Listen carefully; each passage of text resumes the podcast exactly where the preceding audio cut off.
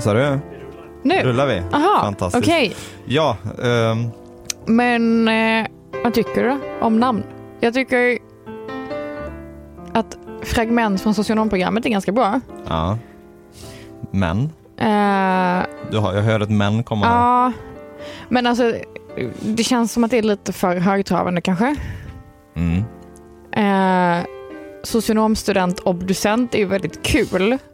För då kan vi sitta och obducera olika ämnen. Ja, men det låter väl det- också lite högtalare. Vi har liksom ingen så här rättsmedicinsk utbildning direkt. Nej, men eh, tror jag- det är också jobbigt att skriva för det är så himla långt. Och Ja. så.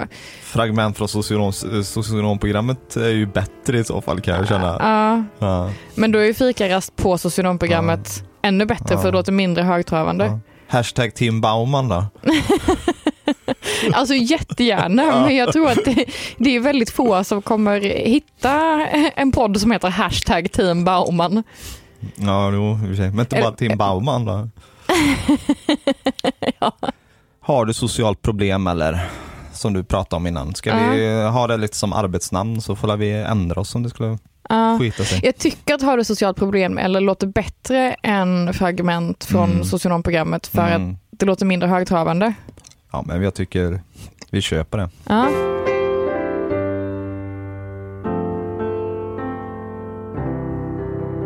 Alltså välkommen till Har du socialt problem eller? Ja, det det exakt så. Skitbra. Ja, ehm, ja, vad, Du heter Erik. ja, och du heter Linnea. Det stämmer. Ja, om du inte har ljugit för mig här nu i två år. Nå, jag är väldigt dålig på att ljuga. Ja, Det kan vara kuriosa om mig. Har dåligt pokerface. Mm.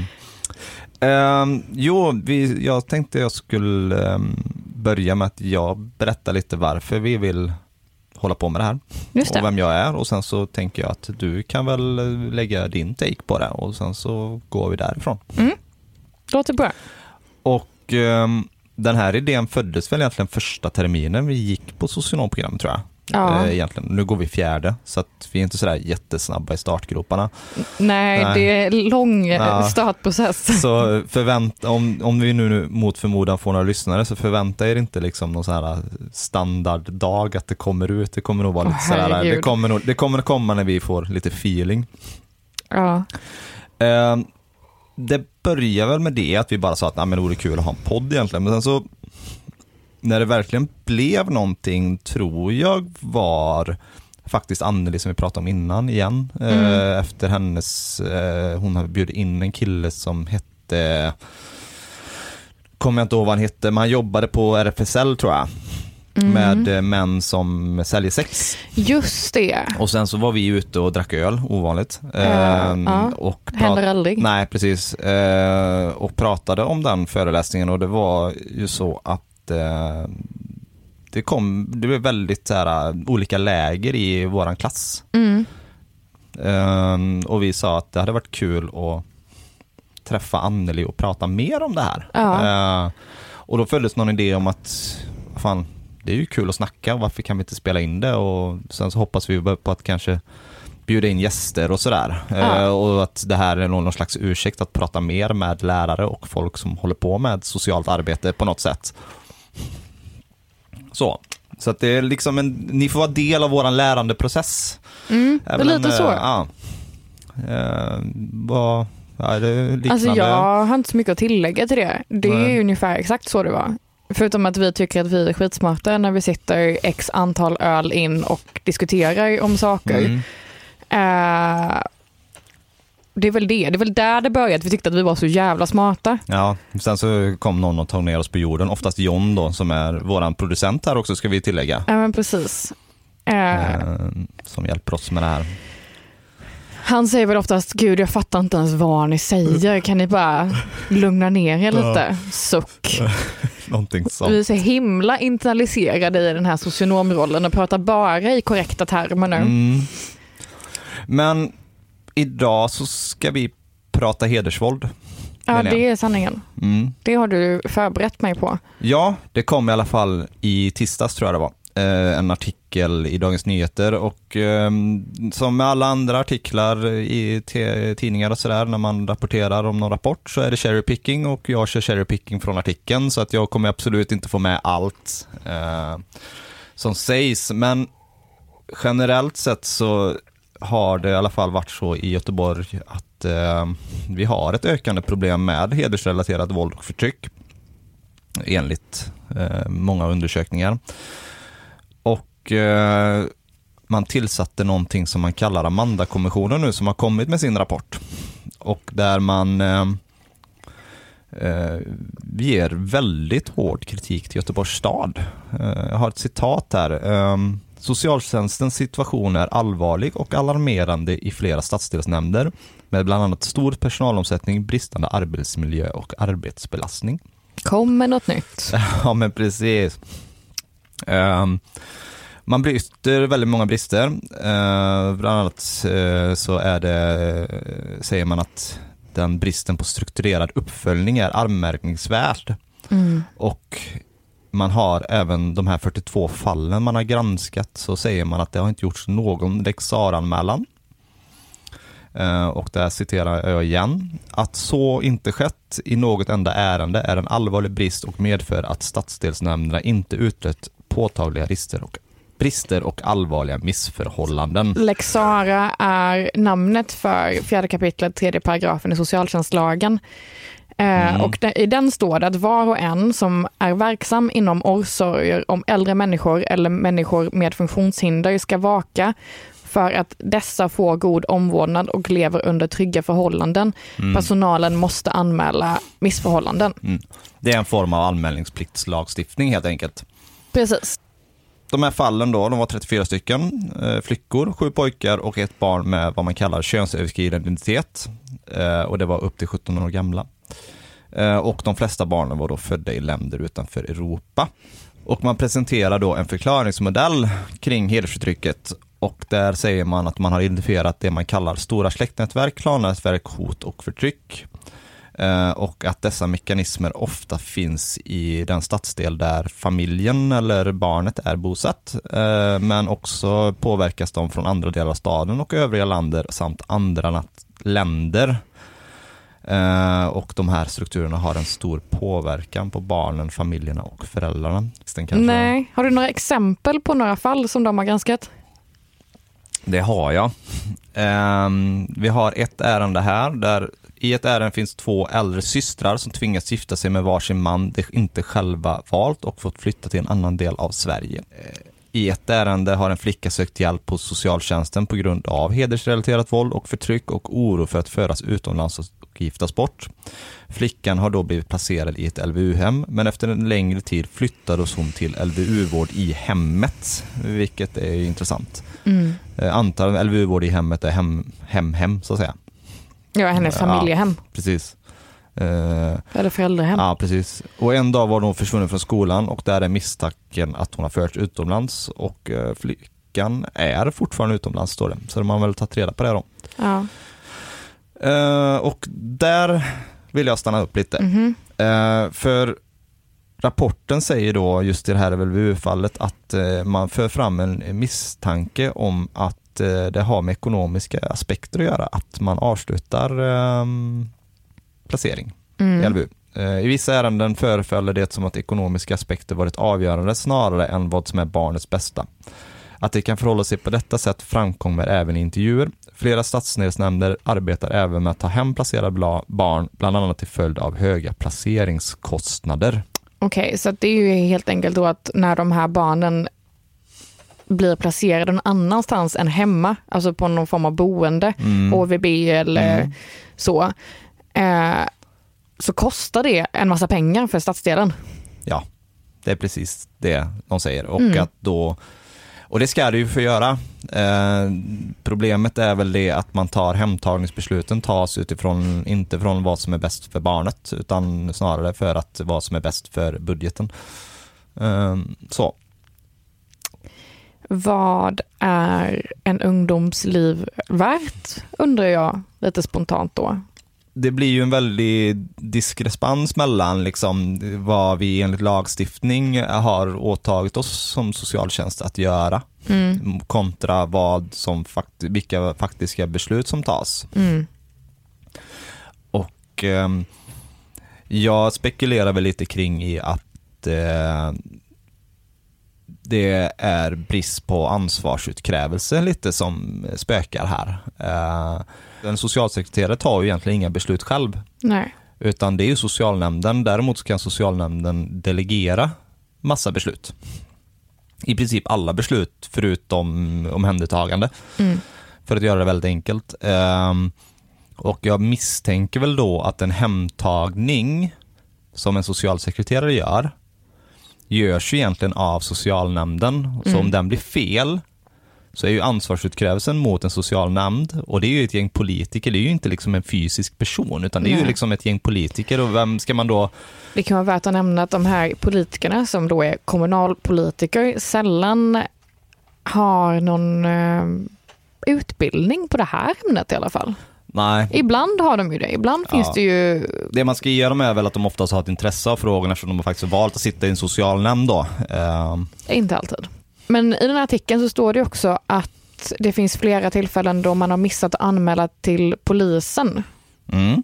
Eh, fast det har funnits starka uppgifter om våld och andra övergrepp mot barnen Mm. eller där barn misstänkts ha förts utomlands. Mm. Vilket troligtvis då varit mot barnens vilja. Ja. Det är ju också en brist i anmälningsplikt, för vi har ju fortfarande Ja. en socialsekreterare har ju fortfarande anmälningsplikt. Eller det har ju alla som jobbar med, Barn och unga. ja, har ju det. Ja. Det kan i vissa fall också vara kontraproduktivt att anmäla till polisen. Det ska man ändå ha i bakhuvudet. Mm. Att, om det här hotet om anmälning hänger över familjen hela tiden så kanske de inte söker den hjälp de behöver och då kommer de inte till kännedom överhuvudtaget. Så det är ju en delikat avvägning man får göra. Men har det kommit några förslag på hur man ska råda bot på den här ganska jobbiga situationen i Göteborg då? Från Amanda-kommissionen menar du? Mm. Ja, eh, man tittar in, siktar in sig på bidragshantering då. Eh, och då menar man att man ska se över bidragshanteringen så att inga organisationer som bedriver verksamhet som motverkar demokrati, jämställdhet, barns och kvinnors rättigheter, svensk lagstiftning erhåller stöd som kan verka kontraproduktivt i förhållande till stadens arbete. Man ska även säkerställa att skolor som motverkar bland annat skolans uppdrag, demokrati, jämställdhet, pojkar och flickors rättigheter tidigt uppmärksammas, anmäls och stängs. Men det här känner jag inte handlar så mycket om själva familjen Nej. eller släkten eller klanen eller vad man ska kalla det. Det här handlar ju Mm. mer om yttre aktörer.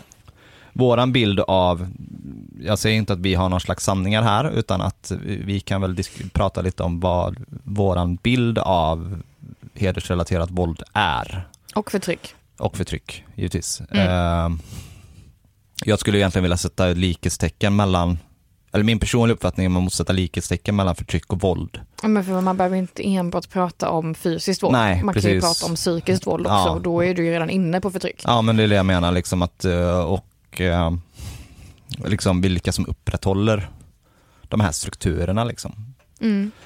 Ehm, och min bild av, eller det, det lilla jag har kommit i kontakt med hedersrelaterat våld är väl att eh, det går nog mycket, alltså bilden som många människor har i samhället är, skiljer sig nog väldigt mycket mot hur det ofta ser ut. Eh, jag tror, Hur tror du att, att folk ser på det då? jag tror de flesta tänker på hon eh, Fadime Sanidal som blev ihjälskjuten för ett gäng år sedan här. Eh, men det jag skulle vilja komma till då är att jag tror att Svenne Banan liksom generellt så här, Mm. eh, ser nog liksom hedersvåld att ja, men det är en pappa Mm. eh, som fysiskt typ har ihjäl en dotter Mm. för att dottern vill gifta sig med en svensk. Ja, eller ha en svensk pojkvän. Ja, liksom. Ja, ja, precis. Vill ha en relation. Eller vill ta av sig slöjan för den Ja, delen. ja, jo precis. Men alltså, men liksom hedersvåld är så mycket mer komplext än det. Ja. Eh, det handlar ju snarare om att Det kan ju vara så. det kan vara så, absolut, och det är ett jätteproblem. Eh, det är jättehemskt när det händer. Eh, men jag tror att det hedersvåldet som är det största problemet om man ser kvantitativt, det handlar nog om att man mer vill styra sina ungas beteenden. Mm. Eh, vare sig det gäller eventuella relationer till religionsutövelse, hur man pratar med eh, sina föräldrar, eh, med andra, eh, hur man klär sig, liksom vad man arbetar med för fan. Liksom. Det kan gälla allt i ens liv Mm. egentligen. Och det behöver ju inte heller vara pappan eller patriarken i familjen om det då inte skulle finnas en direkt far utan det kanske finns en äldre bror eller Mm. en farbror eller någonting. Eh, Det kan ju också vara eh, mammor eller kvinnor i familjen som utövar det här förtrycket eller våldet. Ja, vad skulle du säga att de utövar det eller att de upprätthåller det? Det finns ju en viss skillnad i det. Ja, ja det är klart det finns en viss skillnad i det. Men jag, jag, det, det jag är ute efter är väl lite så här att vi säger att du som kvinna då, som du säger, har blivit utövad och att jag tror inte man tänker liksom att jag har blivit utsatt för det här, utan jag, så därför ska jag utsätta dig för det. Jag tror det handlar mer om att det här är det enda du, man känner till. Och man har blivit matad av liksom den här strukturella hedersförtrycket, att det här är det enda sättet att liksom uppfostra, leva på. Ja, jag tror också att det handlar om jag menar alltså inte bara att det är det här man känner till, för man kanske, man kanske vet liksom rationellt att man kan göra på ett annat sätt. Det finns säkert många anledningar, säkert många sätt att resonera kring det. Mm. Jag kan inte liksom säga så här är det eller så här är det inte. Eh, För jag har inte upplevt det här själv. Och många gånger tror jag att det handlar om en välvilja. Jag vet inte hur väl bevandrad du är med transnationalism som begrepp, eh, exempelvis. Väldigt lite bevandrad. Jag Ja. valde att läsa en kurs om sexualitet istället. precis. Linnea ville prata snusk istället för migration. Ja, Eh, nej, skämt åsido. Eh, väldigt kort så är transnationalism ett begrepp som där nätverk går över grän, liksom landsgräns, nationsgränser eh, och sker då ofta exempelvis vid olika mig, migrantsituationer att eh, familj X flyr från Irak till Göteborg. Familjens X släkt är kvar i Irak och släkten i Irak påverkar hur familjen X lever i Göteborg. mm. Eh, och det kan både vara ofta monumentär, eller monetära transaktioner, liksom, alltså pengar som går över gränsen, exempelvis att eh, familjen skickar pengar ner till Irak och sådär. Och det ställer sig bekymmer, men det kan vi prata om någon annan gång. Men, men också utövandet av olika påtryckningar som sker från hemlandet, att eh, ja, men ni ska leva som vi gör. Eh, Vi tycker inte att det är lämpligt att dottern i er familj har svensk pojkvän. Liksom. Nej, men det kan ju också handla om att familjen själva tycker att det är bättre för dottern i familjen Ja, att vara tillsammans med någon som är från samma land som de är eller utövar Absolut. samma religion som Absolut. de gör. men det jag menar på är att familjen egentligen kanske inte är så jävla noga med att dottern, som det oftast är då, har, alltså ska bli bortgift med, men man, man har ett sånt otroligt tryck från sin omgivning och den behöver inte befinna sig liksom i Sverige i samma kommun utan den kan befinna sig i ett helt annat land liksom. För hur ser min släkt på mig om jag inte upprätthåller de här strukturerna? Så att egen, det liksom ligger, ligger inte egenintresse på det sättet i det utan det handlar mer om att ja, men, jag måste ha en bra fasad gentemot liksom, Mm. eh, min släkt. Så.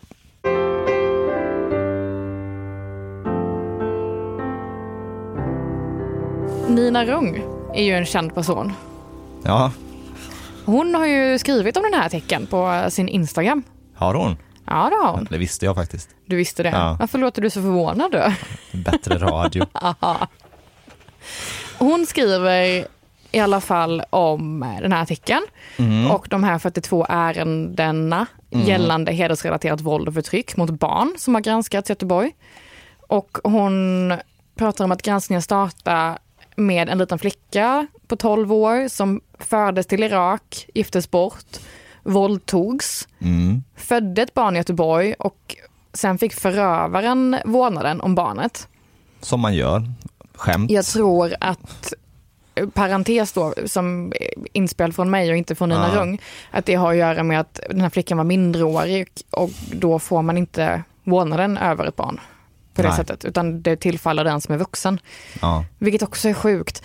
Eh, granskningen i alla fall, skriver hon, visar att heder i sig kan vara ett hinder för handläggare att se våldet och övergrepp mot barnen. Ofta bottnar det i unga socialsekreterare som utan erfarenhet ska ta svåra beslut utan kunskap som ofta slutar, vilket leder till stor rotation och ingen kontinuitet.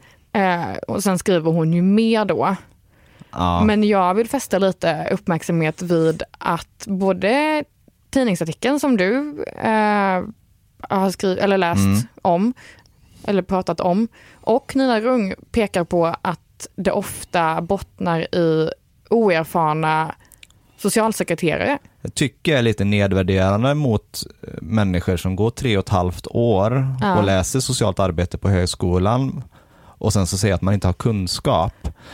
Skulle snarare handla i så fall, jag skulle nog snarare, jag tror att de flesta socialsekreterare har nog kunskap om hur de ska agera i situationer som rör barn och unga, Mm. eller jag är övertygad om det. Det handlar snarare om att bristen på erfarenhet gör att man kanske inte vågar stå på sig gentemot chefer och socialnämnd och sådär. Att, liksom att säga att men de har ingen kunskap, jag tycker det är lite magstarkt. Eh, ja, det, det, Ja, jag vill också flika in att de här unga socialsekreterarna, citat, utan erfarenhet, Mm. tar ju sällan besluten själva, utan det är en förste, en förste Ja. socialsekreterare på kontoret Ja. som ska se över beslutet innan Precis. det och, som, godkänns. och som har oftast erfarenhet då, kan man ju ja, tycka. precis, liksom. eftersom de måste jobba upp sig till den rollen, om man kan säga så. Men däremot så tror jag hon har väldigt eh, poäng i det här med att det ofta leder till att det blir en stor rotation och ingen kontinuitet. Där tror jag hon absolut har en poäng.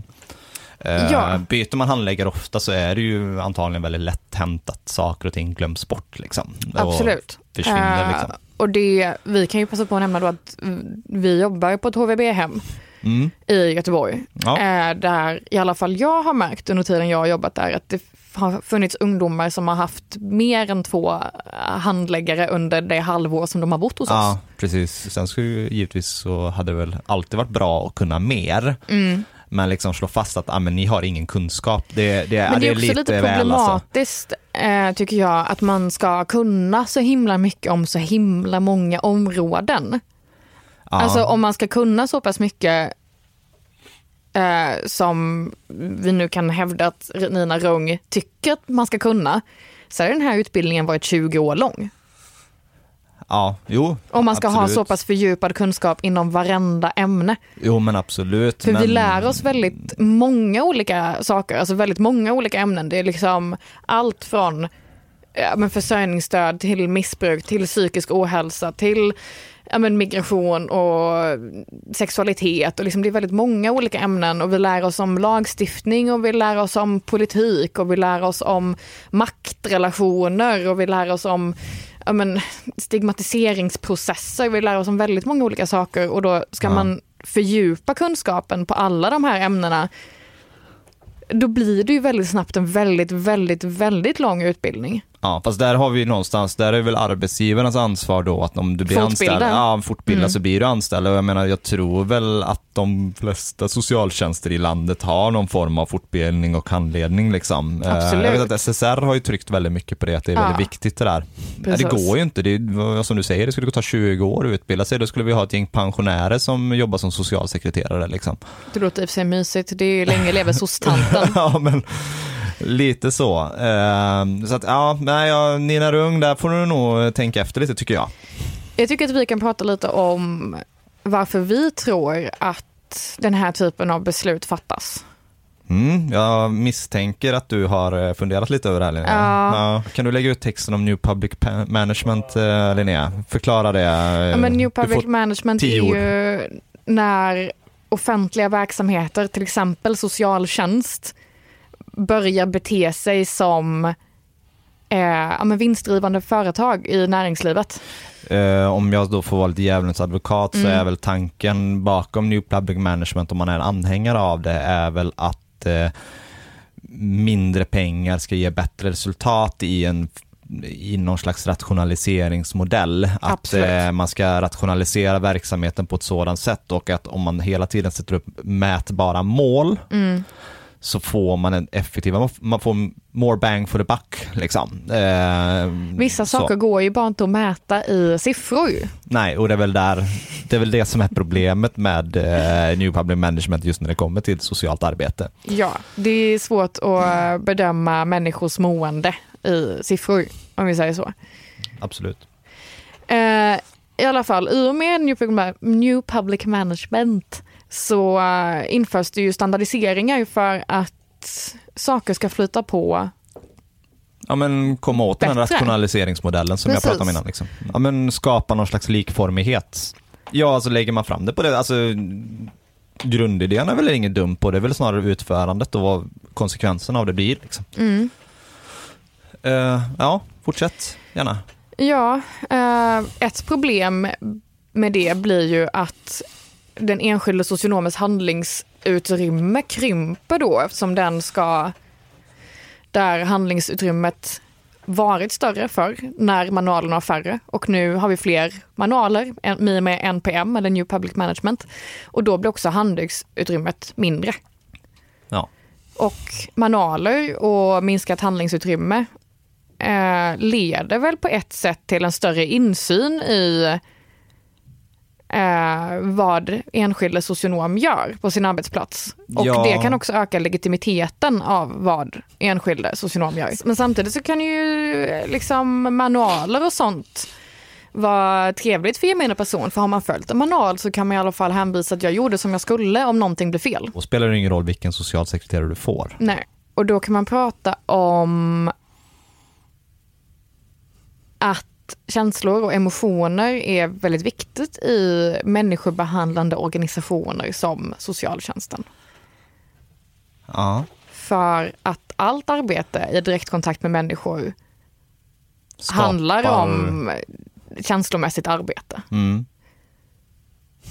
Ja, jag tänker att som person som jobbar på till exempel ett socialkontor så kan du ha dina åsikter och tankar kring hur du ska jobba eller vad du tycker är, är bra socialt arbete eller vilka politiska idéer och ideologier du företräder. Mm. Men det är inte nödvändigtvis så att de idéerna får komma fram, utan det handlar mycket om vad till exempel din chef säger, eller vad kommunalpolitikerna säger. Eller vilka riktlinjer som finns, vilka manualer som finns, Mm. vilka standardi- standardiseringar Ja. som finns. Så det hänger ju väldigt mycket ihop. Eh, och då finns det ju de som hävdar att när eh, dina känslor och idéer kolliderar med de idéer som du måste jobba efter så kan det uppstå en emotionell konflikt i personen. Eh, och det kan ju resultera i likgiltighet hos personen då. Ja. Personen blir likgiltig inför det jobb som den ska bedriva eftersom dens tankar och idéer inte får lov att komma fram utan de blir bara överkörda av organisationens tankar och idéer.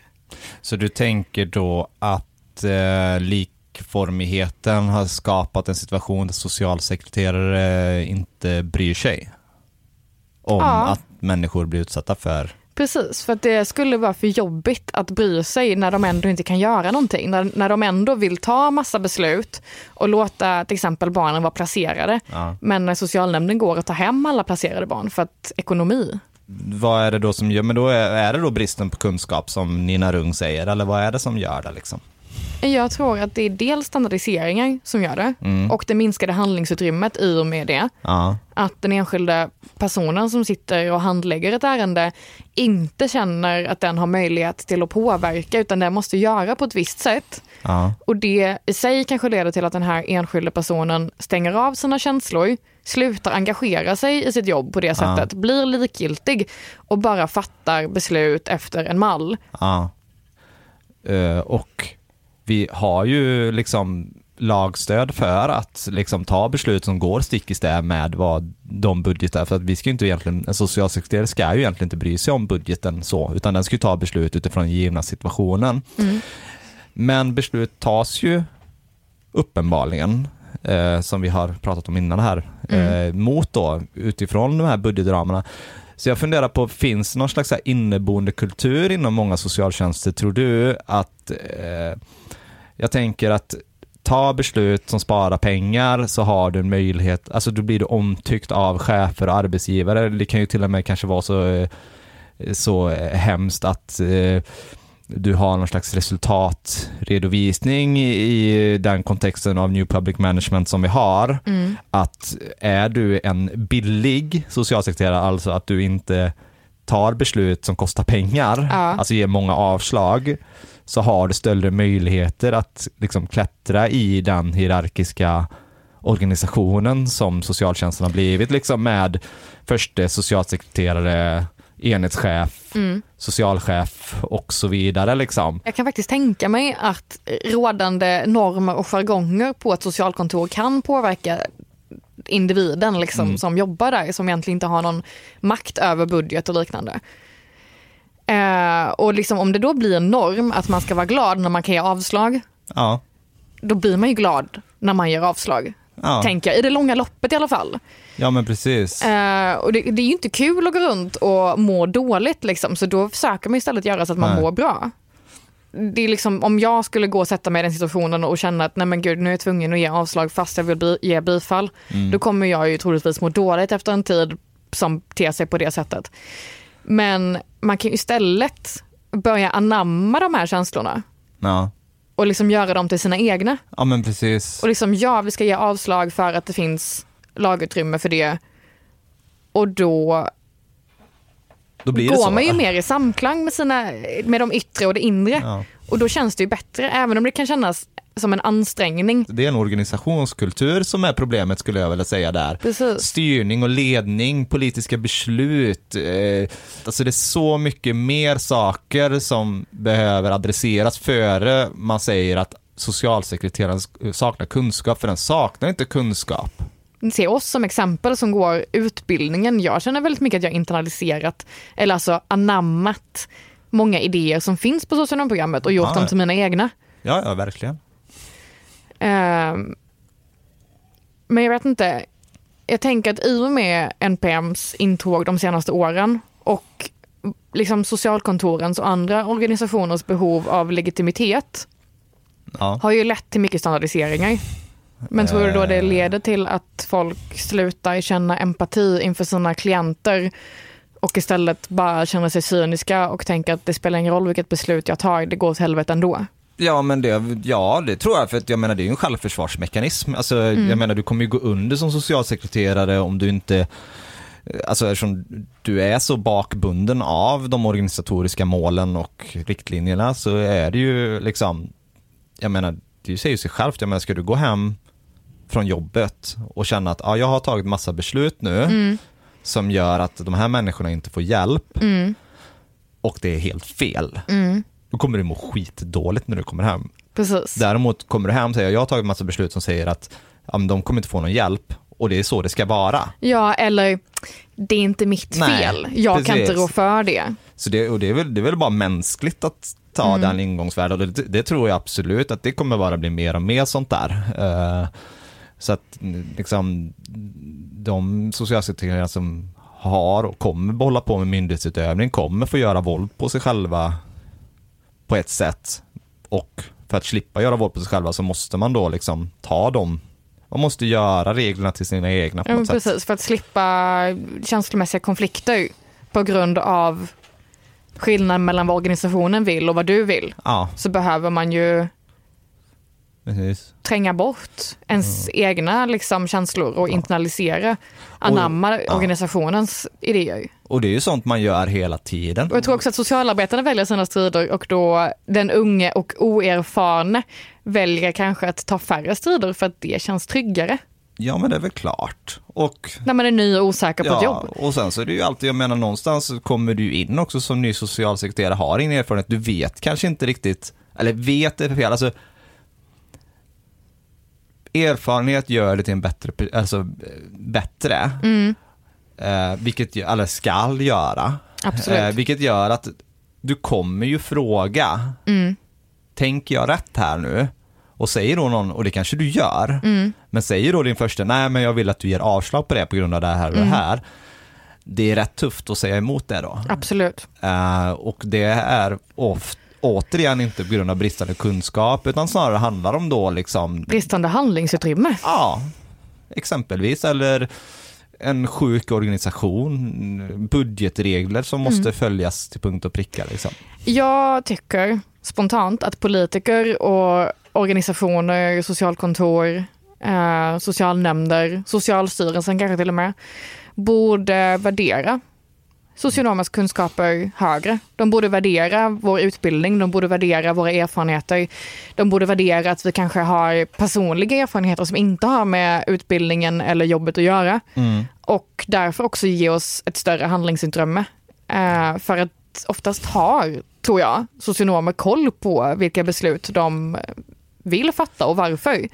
Ja, Så te- istället för att deta- detaljstyra gemene person mm. i socialtjänsten så borde de anställda få lov att styra mer över sitt arbete. I Sverige idag så är det ju så att om du, om, om du ska omhänderta ett barn exempelvis, Mm. det är ju som, alltså det finns ju någon sån här sinnebild i Sverige, och det vet ju du också, att ja, men det är sos, det är sos, Tanterna som sos- kommer och ja, dina barn om nätterna. Det är det inte. Nej, Det är socialnämnd, det är de du har röstat fram i din kommun, det är Som de tar som tar dina barn. barn. Ja. Liksom. Oftast så tar de ju inte dina barn heller utan Nej. oftast låter de ju bo kvar hemma hos dig. Eh, men, men det säger ju också någonting om att liksom, och då kan man ju inte krä, utkräva ansvar från den enskilde socialsekreteraren när det inte görs. Nej. Eller? Nej men samtidigt så tycker jag ju att alltså, med makt så kommer ansvar. Ja. Och det ska vara jobbigt att jobba med myndighetsutövning. Det ska kräva mycket ansvar av dig. Du ska fatta rätt beslut. Du ska få en skälig lön efter den typen av ansvar du har. ja.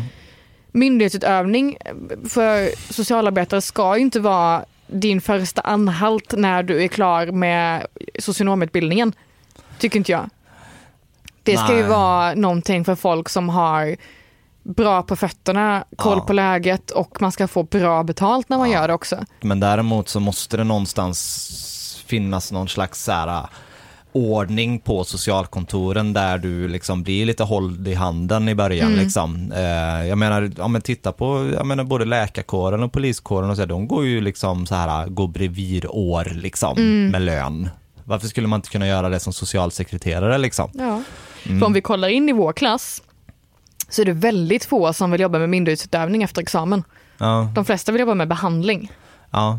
Skillnaden på behandling och myndighetsutövning, alltså myndighetsutövning är ju då, ja, du sitter på socialkontor och tar beslut om vad, vilka insatser som ska eh, ges. Det kan vara ekonomiskt bistånd, det kan vara behandlingshem, det kan vara eh, samtalsterapi, eh, det kan vara Kontaktperson. kontaktperson, det kan vara grejer inom ramen för LSS. Alltså det, eh, behandling är helt enkelt utföraren. Som myndighet då, som myndighetsutövare så säger du att ah, men du ska få den här behandlingen Mm. eller det här biståndet. Eh, och då skickar du ett uppdrag till en behandlingsenhet. Det kan vara ett HVB-hem, det kan Precis. vara en kurator på familjeenheten, det kan vara vad som helst. Så på socialkontoret i den stadsdel som vårt eh, arbete befinner sig i, Mm. eh, de har ju gett i uppdrag till HVB-hemmet, Hem för vård och boende, som du och jag jobbar på, Mm. eh, att här, den här ungdomen ska bo hos er. Ni ska stå för vård och omsorg. Ni ska eventuellt göra andra punkter Ja. liksom som man har kommit överens om i en vårdplan.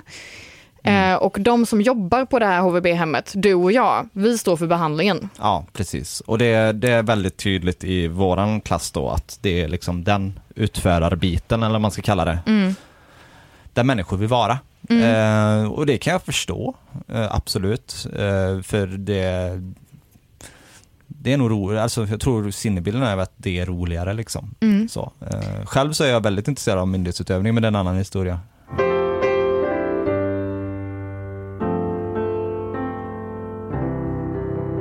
Det här var väl en första försök för oss att få podd. Ni får... Precis, men vad är summan av kardemumman av det här? Ja, eh, Vad ska man göra åt de, den här 12-åriga flickan som var tvungen att föda ett barn? ja eh, skadan är ju lite redan skedd Just det, på något sätt. Eh, men yay. så vi snarare, snarare kanske prata om Istället för att prata om vad vi faktiskt ska göra för henne här och nu, eh, vilket är också ett jätteintressant ämne att se vad man eventuellt skulle kunna för, göra för insatser för henne, men hur man du ska undvika att någonting liknande händer igen, Mm. så tror jag att vi behöver eh, Alltså det, det, det är så här stora saker som måste ändras. Mm. En, eh, en, liksom, en kommissions, Amanda-kommissionens rapport där man riktar lite kritik, alltså det där kommer, ja men det kommer skrivas lite, ja det har skrivits lite om det, men det, det kommer liksom inte diskuteras jättemycket eh, mer, utan Nej. liksom det, det kommer bara, det här kommer fortsätta, det kommer läggas i någon byrålåda och så kommer det ligga där liksom och eh, samla damm liksom, utan det måste till någon större förändring av organisationer, eh, av organisationen, alltså hur man organiserar socialt arbete, ge socialarbetare mer handlingsutrymme. Och det är ju liksom på, ja men det är på så mycket större nivå än en liksom enskild rapport liksom. Någonstans så måste ju lagstiftare och tjänstemän, liksom ins, eller inte tjänstemän, lagstiftare och politiker och nämndemän och sådär inse att, ja men vi måste nog, vi måste få mer pengar liksom. Mm. eh, För att det inte ska hända igen. Sammanfattningsvis, Mm. socionomer behöver mer resurser och Mm. större handlingsutrymme för att kunna Ja. utföra ett bättre arbete. Med det kräver ju också att man utkräver ansvar i Mm. en större utsträckning från den enskilde socionomen. Mm.